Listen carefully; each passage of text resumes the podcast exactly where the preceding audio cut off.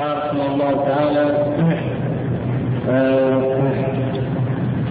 يقول مالك رحمه الله هذه ورقات تشتمل على معرفة أصول من أصول الفقه وذلك مؤلف من جزئين مفردين. قوله ورقات جمع ورقة. ورقات جمع ورقة. وورقات جمع مؤنث سالم. وهو من جموع قلة وأشار بقوله رحمه الله ورقات إلى أن هذا المؤلف في أصول الفقه إنما هو مختصر فقط. يعني لأن قوله ورقات هذا من جموع القلة. فهو أشار رحمه الله في هذه اللفظة إلى أنه مختصر متن مختصر في أصول الفقه. ف والمختصر هو ما قل لفظه ما قل لفظه وكثر معناه. ما قل لفظه وكثر معناه. وهكذا العلماء رحمهم الله يعني هكذا العلماء رحمهم الله في مقدمات في مقدمات مؤلفاته يبينون هذا المؤلف والمنهج الذي يسلكونه وأيضا يذكرون تعريف يعني يذكرون تعريف العنوان يترجمون عن عنوان ويذكرون أيضا أسباب التاليف نعم أسباب التاليف الجويني رحمه الله أشار في قوله ورقات إلى أن هذا لفظ أو إلى أنه مؤلف مختصر. قال هذه ورقات تشتمل على معرفة آه المعرفة هو إدراك الشيء على ما هو عليه.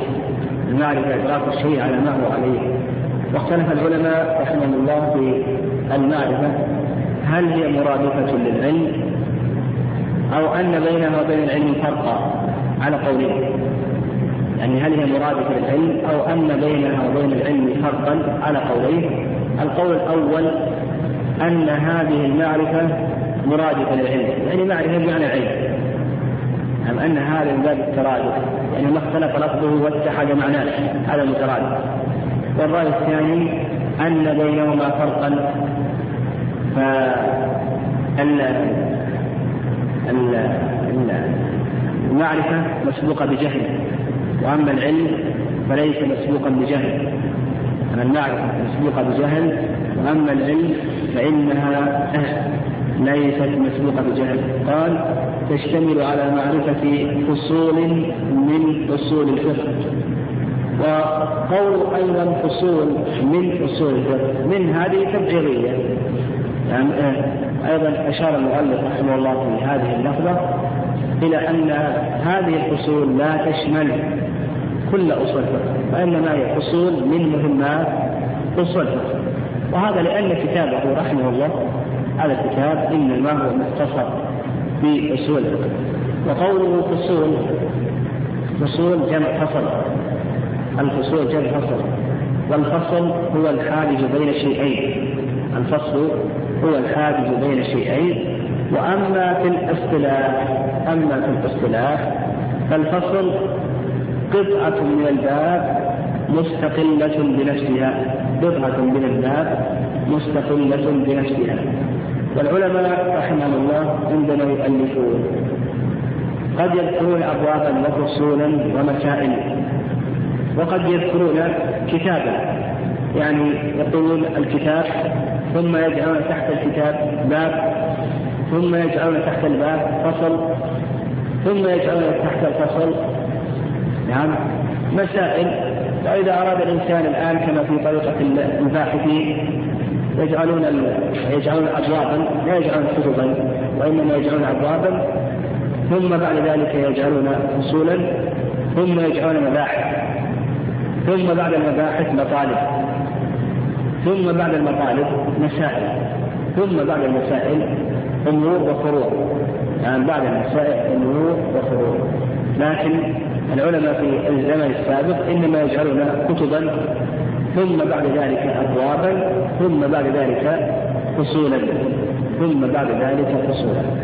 فهنا المؤلف رحمه الله جعل فصولا يعني في أصول وقلنا الفصل وفي اللغة الحاجز بين شيئين وأما في الاصطلاح يعني أما في الاصطلاح فهو قطعة مستقلة بنفسها منفصلة عما سواه قطعة من الباب. والباب هو كتاب الكتاب آه، مأخوذ من آه،. الكتاب في اللغة الجمع. يقال تكتب بنو فلان إذا اجتمعوا. ومنه الكتيبة لجماعة الخير. وسمي الكتاب كتابا لاجتماع الحروف فيه. وأما في الاصطلاح فهو جي أما أما الكتاب والاصطلاح فهو جنس من العلم تحته أبواب. جنس من العلم تحته أبواب ويشتمل على أبواب أو أنواع. آه، والباب في اللغة المدخل بين الشيئين. يعني الباب في اللغة المدخل إلى الشيء. يعني الباب في اللغة المدخل إلى الشيء. وأما في الاصطلاح فهو قطعة من الكتاب. مستقلة بنفسها. يعني قطعة من الكتاب مستقلة بنفسها. آه الفصل تقدم تعريفه الفصل تقدم تعريفه والعلماء كما ذكرت يقسمون كتبهم إلى كتب وأبواب وفصول إلى آخره. وفائدة ذلك أولا الاقتداء بكتاب الله عز وجل. الاقتداء بكتاب الله عز وجل. فإن كتاب الله عز وجل مقسم إلى سور وأجزاء وأحزاب. والقسم الثاني أو الفائدة الثانية أنه أنشط لطالب العلم. فإن طالب العلم كالمسافر والمسافر كلما قطع مرحلة وانتقل إلى مرحلة أخرى نشط في سفره. فكذلك أيضا طالب العلم قول هذا الكتاب مجزأ عنده. كلما أنهى فصلا وشرع في فصل آخر أو أنهى كتابا وشرع في كتاب آخر فإنه يكون أنشط له في طلبه. قال وذلك مؤلف من جزئين. آه، يعني أن أصول الفقه مؤلف من جزئين. الجزء الأول أصول والجزء الثاني الفقه. نعم الجزء الأول أصول والجزء الثاني الفقه. فهو مركب إضافي ولهذا العلماء رحمهم الله يعرفون أصول الفقه تعريفين. آه، التعريف الأول باعتبار مفردين أي تعرف كلمة أصول مستقلة وتعرف كلمة الفقه مستقلة بنفسها. والقسم الثاني أو التعريف الثاني يعرفونه باعتباره فنا أو باعتباره علما على هذا الفن. تعريفه يعني باعتبار مفردين تعرف كلمة أصول مستقلة وكلمة الفقه مستقلة كما سيأتي وأيضا يعرف باعتباره علما على هذا الفن وهذا كله سيأتي في كلام المؤلف رحمه الله تعالى.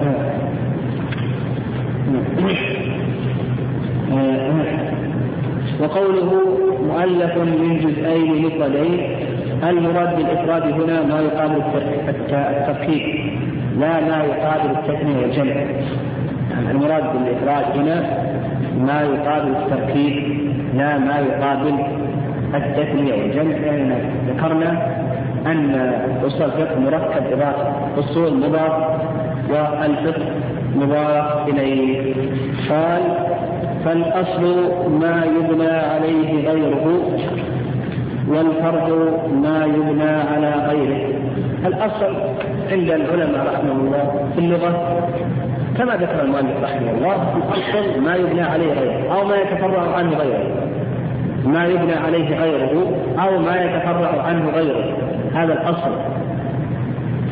مثل أساسات الشيطان. أساسات الشيطان هذه أصول يبنى عليها غيره. مثل الآباء والأجداد هؤلاء أصول يتفرع عنهم يعني يتفرع عنهم غيرهم. وأما في الاصطلاح الأصل في اصطلاح الفقهاء رحمه الله يطلقونه على معاني.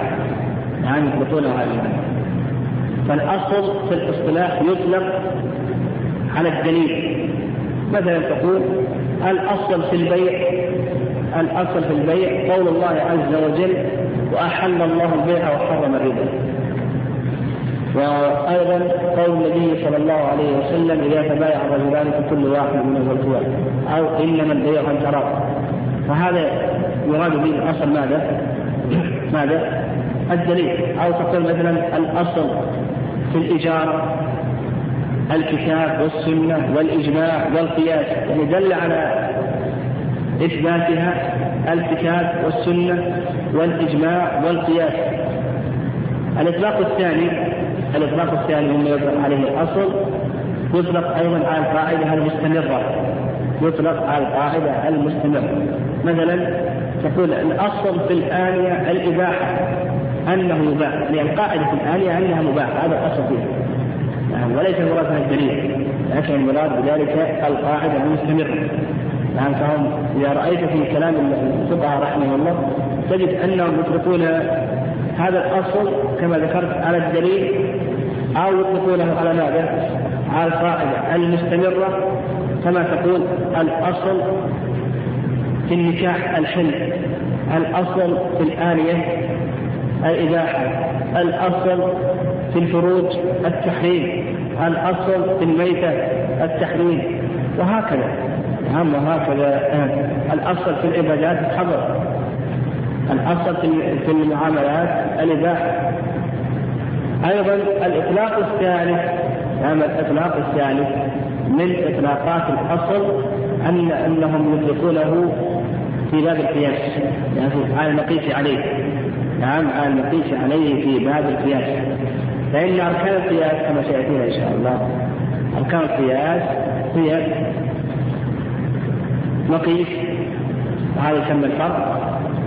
ونقيس عليه وهذا يسمى الأصل. والعلة نعم الجامع بينهما. نعم العلة الجامع بينهما. والرابع الحكم. نعم الحكم المترتب على ذلك. قال فأصبح عندنا الأصل في الاصطلاح أنه يطلق على هذه الأمور الثلاث واما في اللغة فكما ذكر المؤلف رحمه الله ما يبنى عليه غيره أو ما يتفرع عنه غيره. قال والفرض ما يبنى على غيره. يعني الفرع ما الفرع ما يبنى على غيره. مثل فروع الشجرة مبنية على أصلها وهي الشجرة. أو نقول الفرع لا تفرع عن غيره. مثل الأبناء أو الأولاد تفرعوا عن الآباء والأجداد. الأبناء أو الأولاد تفرعوا عن الآباء والأجداد فالفرق ما تفرع عن غيره أو ما يبنى على غيره. مثل فروع الشجرة هذه تبنى على الشجرة. نعم تبنى على الشجرة.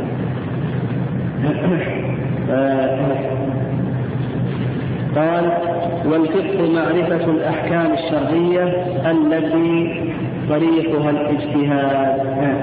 الفقه والآن المؤلف رحمه الله لما عرف الأصل أو ذكرنا تعريف الأصل في اللغة والاصطلاح الآن شرع في تعريف الفقه في اللغة والاصطلاح لأن أصول الفقه يعرف في تعريفين باعتباره مركب إضافي نعم باعتبار مفردين يعني نعرفه باعتبار مفردين يعني أن كلمة أصل تعرف وحدها. وفقه تعرف وحدها وهذا هو ما أراده هنا. ويعرف أيضا باعتباره فن مستقلا وهذا سيذكره المؤلف رحمه الله. الفقه في اللغة الفهم. وقيل بأنه الفهم الدقيق. نعم وقيل بأنه الفهم الدقيق. وأما في الاصطلاح عرفه المؤلف قال معرفة الأحكام الشرعية التي طريقها الاجتهاد. هنا قال معرفة لكي يدخل في ذلك لكي يشمل العلم والظن. فإن الفقه ما هو ظني وما هو يقيني. الفقه يشمل الظن وكذلك أيضا يشمل اليقين. فمثلا مثلا آه كون الصلوات خمس هذا يقين. يعني معرفة أن كون الصلوات خمس هذا يقين. ومعرفة أن الزنا محرم هذا يقين لأنه مما علم من الدين بالضرورة. ومعرفة حل الخبز هذا يقين.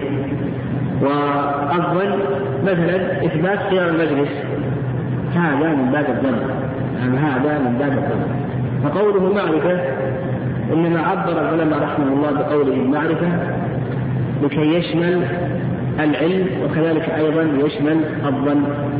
والأحكام جمع حكم وهو إثبات أمر لأمر أو نفيه عنه. الأحكام جمع حكم وهو إثبات أمر لأمر أو نفيه عنه. وقوله الشرعية هذا أحد الأحكام. يعني الشرعية قوله الشرعية هذا أحد الأحكام. فالأحكام تنقسم إلى أقسام القسم الأول أحكام شرعية والقسم الثاني أحكام عقلية أو حكم عقلي. والقسم الثالث حكم عادي. والقسم الرابع حكم حسي. وقولنا الشرعية يعني الصادر عن الشرع. إما القرآن أو السنة أو القياس. وقولنا الشرعية هذا يخرج الأحكام العقلية ويخرج الأحكام الحسية ويخرج الأحكام العادية. الحكم العقلي يعني آه. الحكم العقلي ما عرفت أو ما عرفت فيه النسبة عن طريق العقل. الحكم العقلي ما عرفت فيه النسبة عن طريق العقل. مثل الكل أكبر من الجزء الكل أكبر من الجزء والواحد نصف الاثنين. هذا حكم عقل. النسبة فيه عرفت عن طريق العقل. الحكم الحسي ما عرفت فيه النسبة عن طريق الحس. ما عرفت فيه النسبة عن طريق الحس. مثل النار حارة. هذا عرف عن طريق الحس. يعني النجاسة خبيثة الرائحة. هذا عرف عن طريق الحس. الثلج بارد. هذا عرف عن طريق الحس. الحكم العادي ما عرفت فيه النسبة عن طريق العادة. ما عرفت فيه النسبة عن طريق العادة. مثل الماء مر هذا عرف ذلك عن طريق العادة كون الماء مريا وكون الخبز مشبعا هذا عرف عن طريق العادة فقولنا يعني الحكم قول المؤلف رحمه الله معرفة الأحكام. الحكم أو الأحكام في الحكم وهو إثبات أمر لأمر أو نفي عنه إثبات أمر لأمر مثل زيد قائم. زيد قائم هنا أثبتنا القيام لزيد. أو نفي عنه عمرو ليس قائما. عمرو ليس قائما. وقوله الشرعية هي الصادرة عن الشرع وذلك الكتاب أو السنة أو القياس. الأحكام الشرعية.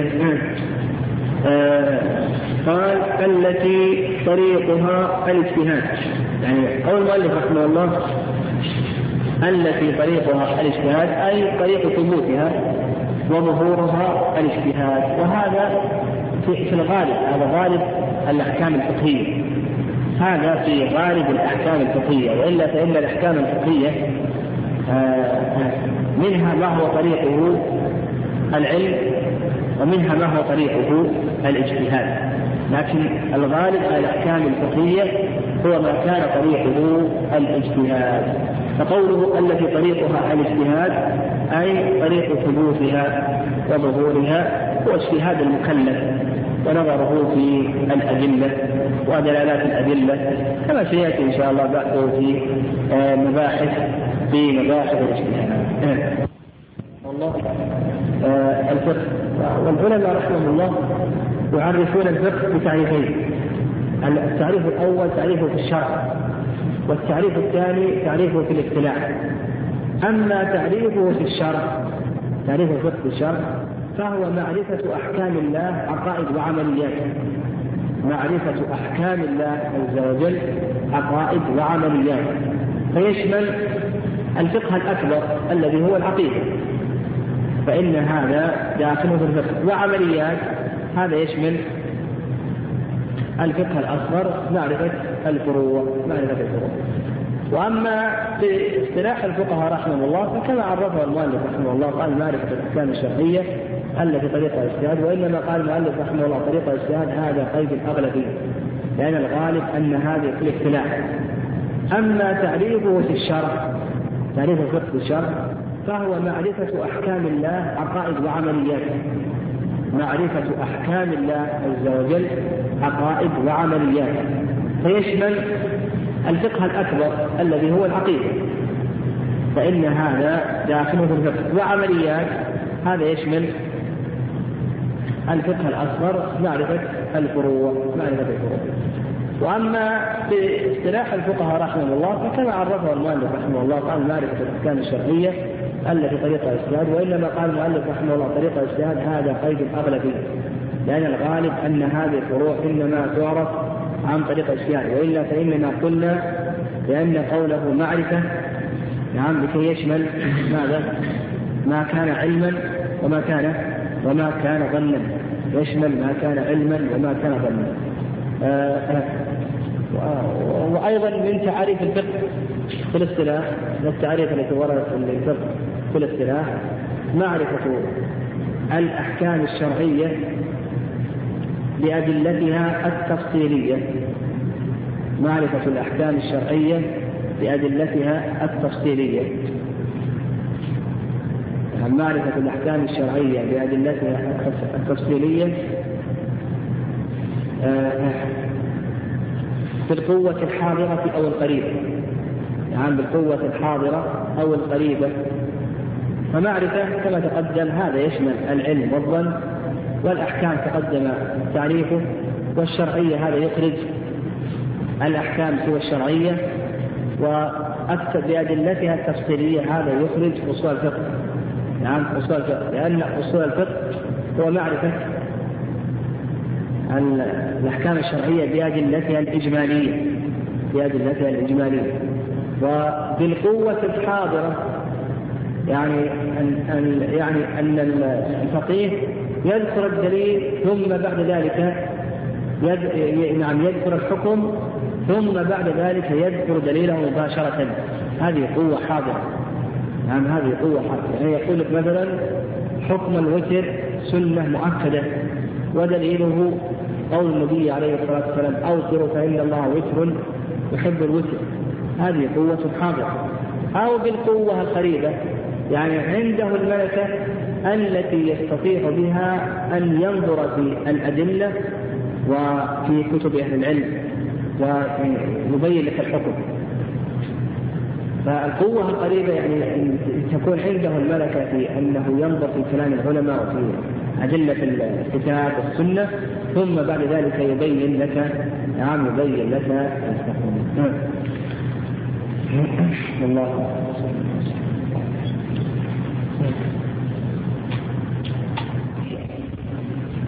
وتقدم لنا أن الأحكام تنقسم إلى أقسام. منها الأحكام الشرعية ومنها الأحكام العادية الأحكام الحسية الأحكام العقلية إلى آخره. وأن المراد هنا بالبحث إنما هو الأحكام الشرعية. و آه، الأحكام الشرعية هذه تنقسم إلى قسمين. القسم الأول الأحكام التكليفية والقسم الثاني الأحكام الوضعية.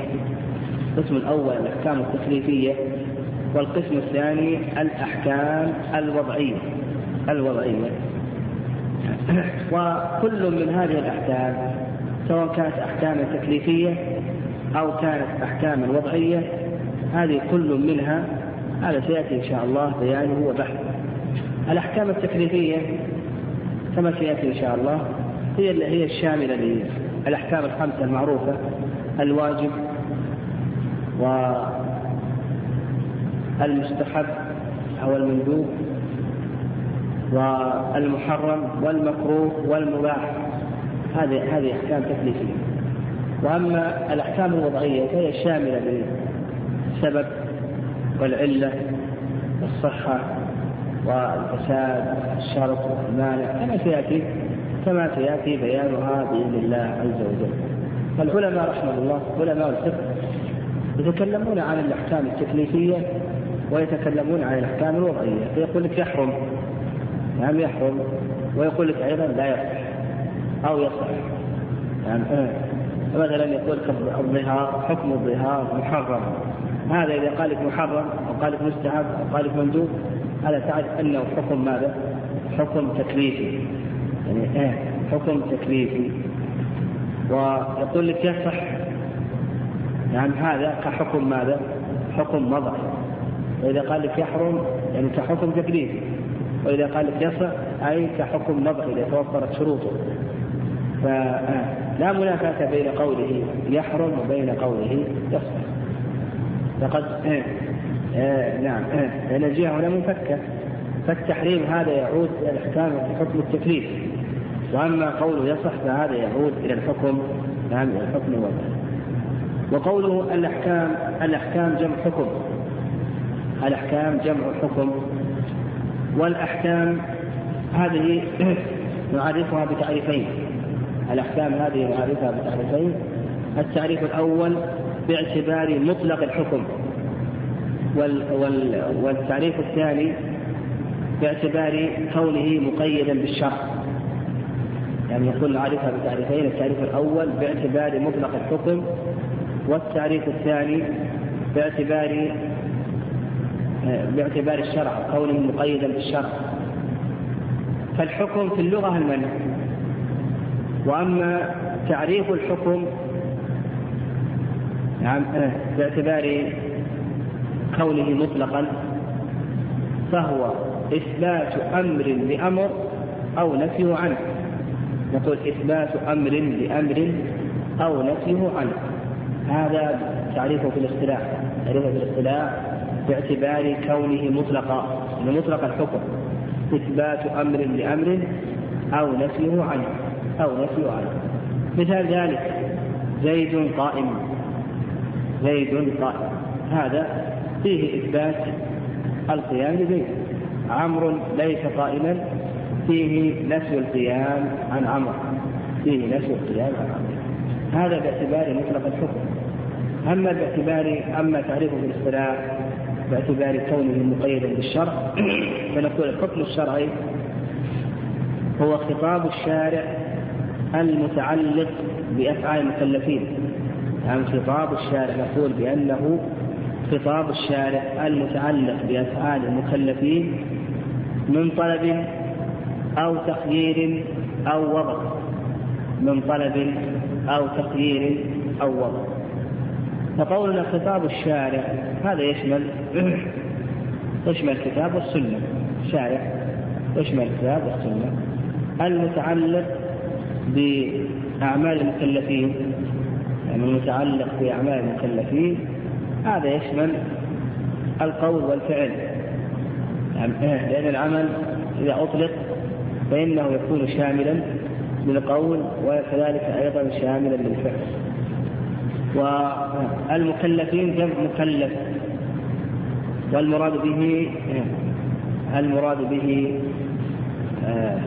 نعم المراد بالمكلف من لحقته التكاليف الشرعية. لتوفر الأهلية فيه. أو توفر شرط الأهلية فيه. وشرط أهلية التكليف هما البلوغ والعقل. ونقول المكلف من لحقته التكليف من لحقته التكاليف الشرعية من لحقته التكاليف الشرعية لتوفر شرط التكليف فيه. وشرط التكليف هما ماذا؟ البلوغ والعقل. فإذا قال العلماء رحمه الله مكلف قال العلماء رحمه الله مكلف فالمراد بذلك نعم آه آه المراد بذلك البالغ العاقل. وقول المؤلف قولنا قول الأصوليين في تعريف الحكم الشرعي في الاصطلاح آه، ما تعلق بأعمال ما تعلق بأعمال المكلفين. هذا خرج منه عدة صور خرج منه عدة صور فمما خرج منه ما تعلق بذوات المكلفين. يعني ما تعلق بذوات المكلفين. فهذا ليس هذا موضع بحثه. وكذلك أيضا ما تعلق آه، بالإعتقاد. يعني فليس مرادا هنا. ما تعلق بأعمال المكلفين أيضا خرج ما تعلق باعتقاداتهم. فهذا لا يبحثه يعني لا يبحثه الأصوليون وكذلك أيضا قوله ما تعلق بأعمال المكلفين أيضا خرج ما تعلق بالله عز وجل يعني من البحث في أسمائه وصفاته إلى آخره. هذا أيضا ليس داخلا هنا. كذلك أيضا خرج ما تعلق بالجمادات. يعني خرج ما تعلق بالجمادات فهذا ليس داخلا هنا فقولنا ما تعلق بأعمال المكلفين خرج منه عدة صور. من هذه الصور ما تعلق باعتقاداتهم ما تعلق بذواتهم آه، ما تعلق بالله عز وجل أيضا ما تعلق بالجمادات ما تعلق بالجمادات طيب وقول ما تعلق بأعمال المكلفين من طلب الطلب ينقسم إلى قسمين. والطلب ينقسم إلى قسمين. القسم الأول طلب فعل وهو يعني طلب الفعل. وهذا إن كان على سبيل الإلزام فهو الأمر. وإن لم يكن على سبيل الإلزام فهو المستحب. من طلب نقول الطلب ينقسم إلى قسمين. إن كان على سبيل الإلزام فهو الأمر وإن لم يكن على سبيل الإلزام فهو المستحب. والقسم الثاني طلب الترك. القسم الثاني طلب الترك. أيضا طلب الترك هذا إن كان على سبيل الإلزام فهو المحرم.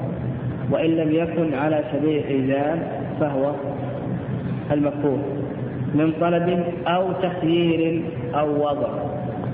إيه، من طلب أو تخيير. المراد بالتخيير هنا المباح المراد بالتخيير المباح. أو وضع المراد بذلك الأحكام الوضعية. المراد بذلك الأحكام الوضعية. فأصبح الحكم الشرعي شامل للحكم ماذا؟ ها؟ التكليفي والوضعي شامل للحكم التكليفي وكذلك أيضا شامل للحكم الوضعي. طيب عندنا الأحكام التكليفية والأحكام الوضعية. ما هو تعريف الحكم التكليفي؟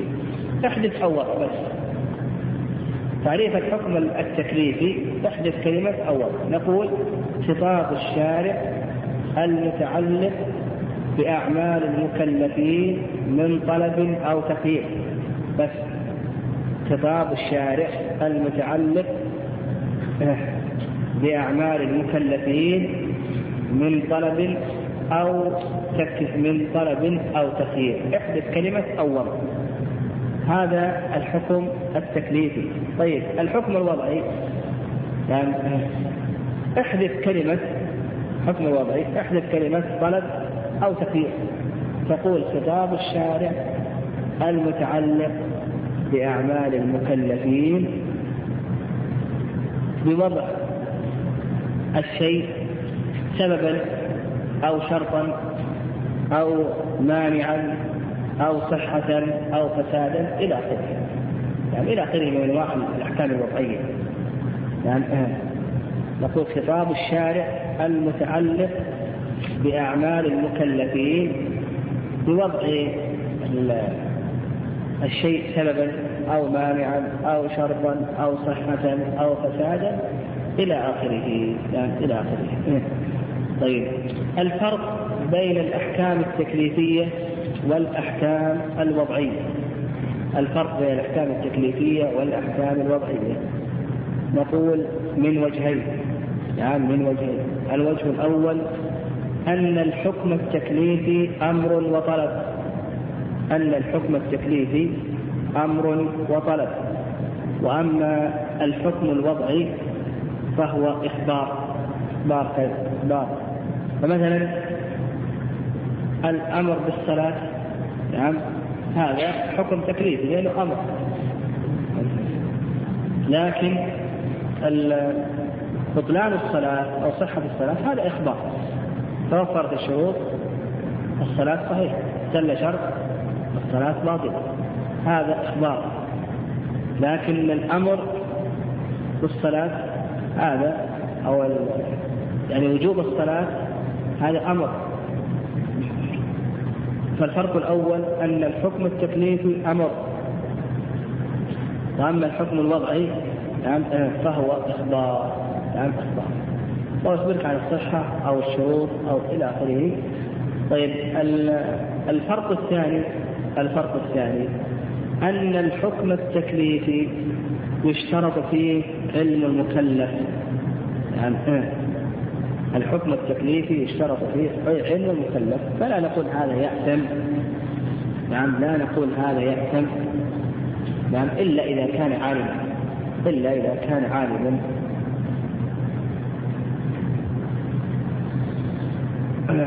أما بالنسبة للحكم الوضعي فلا يشترط فيه علم المكلف فلو أنه نسي وصلى وهو محدث فنقول بأن صلاته نقول بأن صلاته باطل نقول بأن صلاته باطل آه. آه. آه. طيب الفرق الثالث نعم الفرق الثالث أن الحكم التكليفي يعتبر فيه قدرة المكلف الفعل الحكم التكليفي يعتبر فيه قدرة المكلف الفعل بخلاف الوضع يعني هذه يعني انتبه يعني بالنسبة لما يتكلم عليه الأصوليون أو ما يتكلم عليه الفقهاء في القواعد الفقهية. هذه ترى من حيث الجملة. يعني القواعد الأصولية والقواعد الفقهية إنما تكون من حيث الجملة. يعني لا تكون بالجملة. يعني فإن لا تكون مشتملة لكل الصور. يعني وإنما هي من حيث الجملة يعني شاملة لأغلب الصور. قال رحمه الله فالواجب ما يثاب على فعله ويعاقب على تركه. شرع الآن المؤلف رحمه الله بالأحكام التكليفية. شرع رحمه الله بالأحكام التكليفية آه، في بيانها. فقال الواجب. ما يثاب على فعله ويعاقب على تركه. آه، الواجب في اللغة الساقط ومن ذلك قول الله عز وجل فإذا وجبت جنوبه أي سقطت. إذا وجبت جنوبها أي سقطت. وأما في الاصطلاح يعني أما في الاصطلاح فهذا عرفه المؤلف رحمه الله بثمرة الواجب. عرفه نعم نعم ببيان ببيان ثمرته والحكم والأثر المترتب على ذلك. يعني وهذا أدخل في الحدود والتعريفات. يعني كون التعريف يكون ببيان يكون ببيان الثمرة والحكم هذا من قوادح الحد والتعريف. يعني وصحيح أن يعرف أو أن أن أن يكون الحد ببيان الحقيقة والماهية.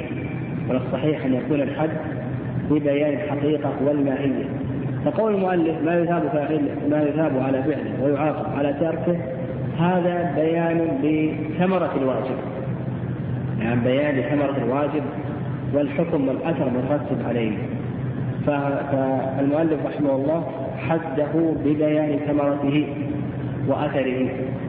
والصحيح أن الحد يكون ببيان الحقيقة والماهية. وعلى هذا نقول في تعريفه خطاب الشارع المتعلق بأعمال المكلفين بالطلب على وجه النزاع. يقول خطاب الشارع المتعلق بأعمال المكلفين بالطلب على وجه الإلزام على وجه و قولنا خطاب الشارع المتعلق بأعمال المكلفين إلى آخره. هذا تقدم الكلام عليه. قوله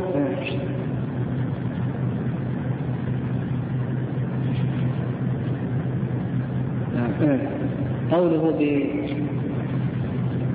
يعني قوله بالطلب قوله بالطلب أو بطلب ال يعني بالطلب هذا يخرج المحرم والمكروه.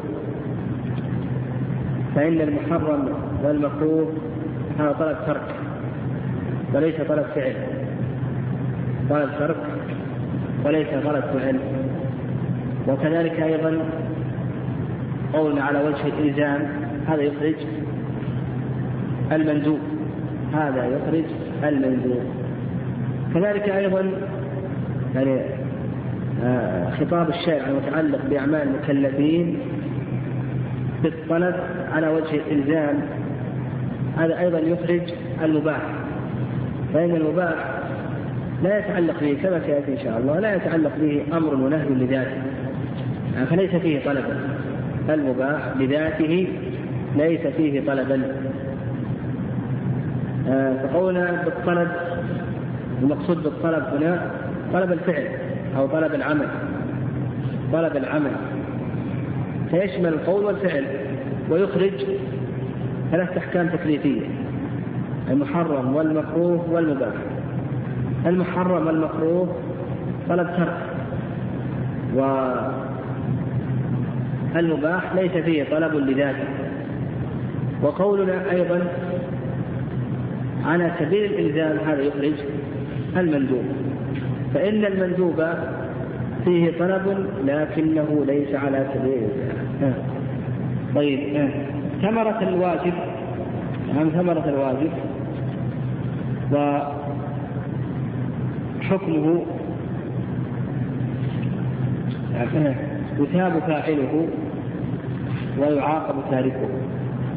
يعني يثاب فاعله. أما قوله يثاب فاعله فهذا أمر ظاهر وأما قوله ويعاقب تاركه فهذا اعترضه العلماء رحمهم الله. فقالوا الأحسن أن يقال ويستحق تاركه. نعم آه. نعم أيضا قال ما يثاب على فعله.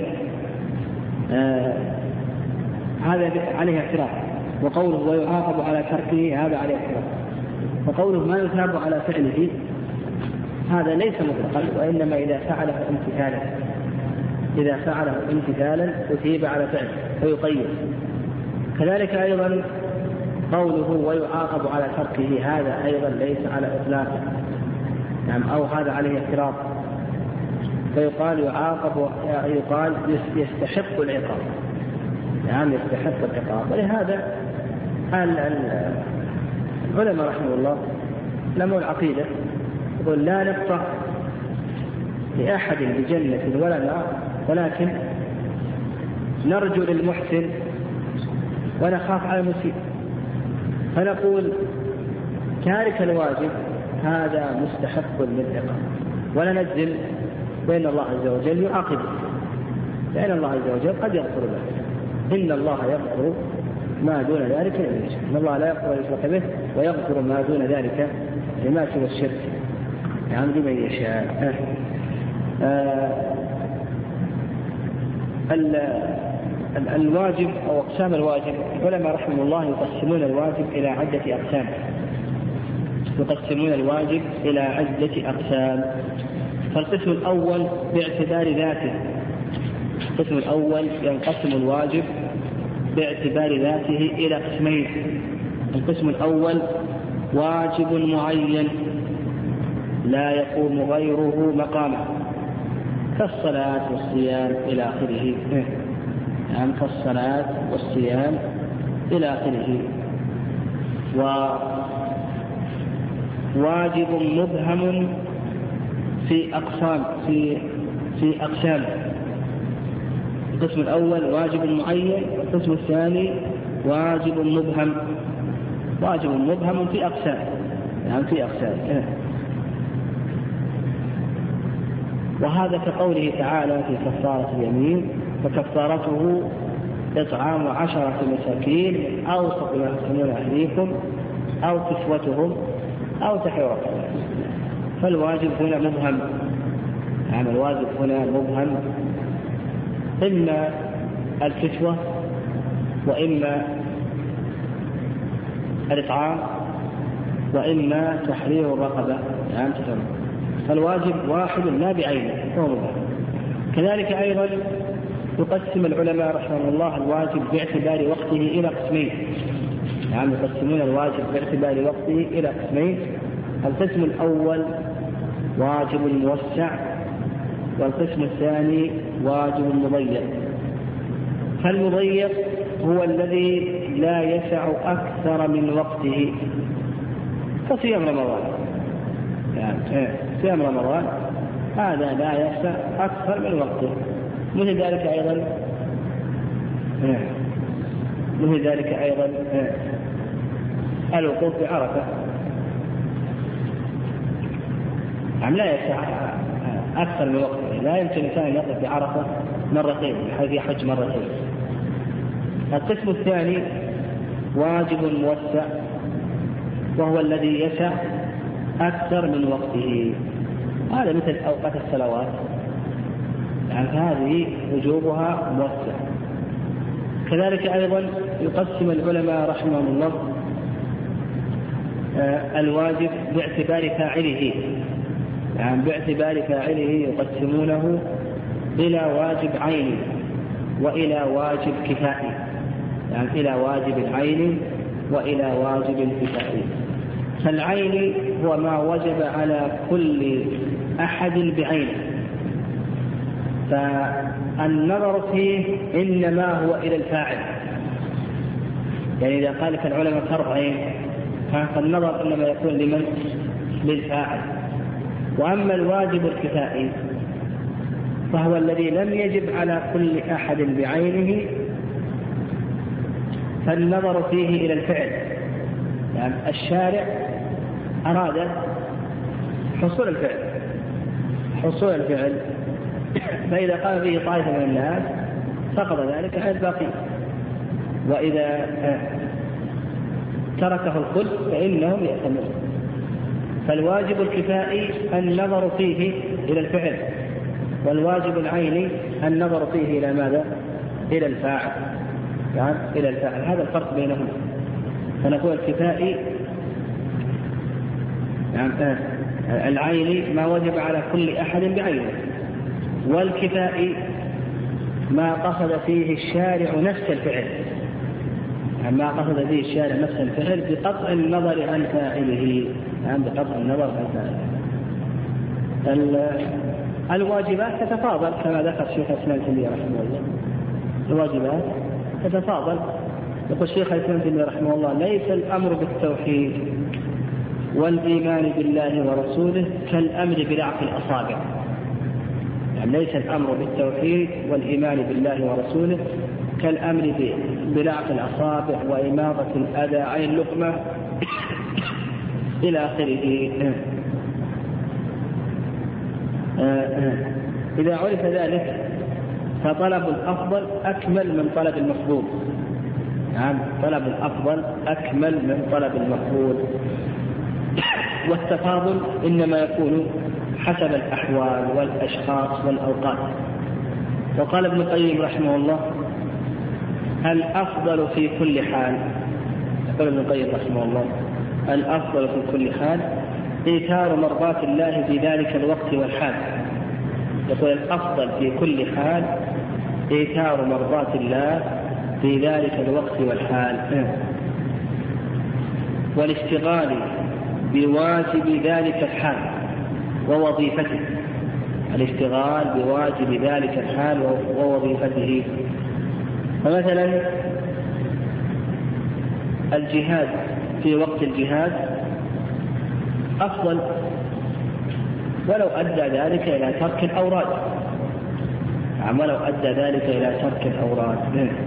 نعم. إلى آخره. وهذا نعم هذا بالنسبة ل هذه المسائل التي ذكرها الشيخ الإسلام ابن القيم الشيخ الإسلام ابن القيم هذه يتعرض لها العلماء رحمه الله في تزاحم الواجبات. في القواعد الفقهية يقسمون تزاحم الواجبات إلى تزاحم واجبين تزاحم أيضا مندوبين وتزاحم واجب مع مندوب إلى آخره. قال رحمه الله ويأتينا إن شاء الله أيضا زياده كلام حول الواجب عندما نتكلم عن الأمر. عندما نتكلم إن شاء الله عن احكام الأمر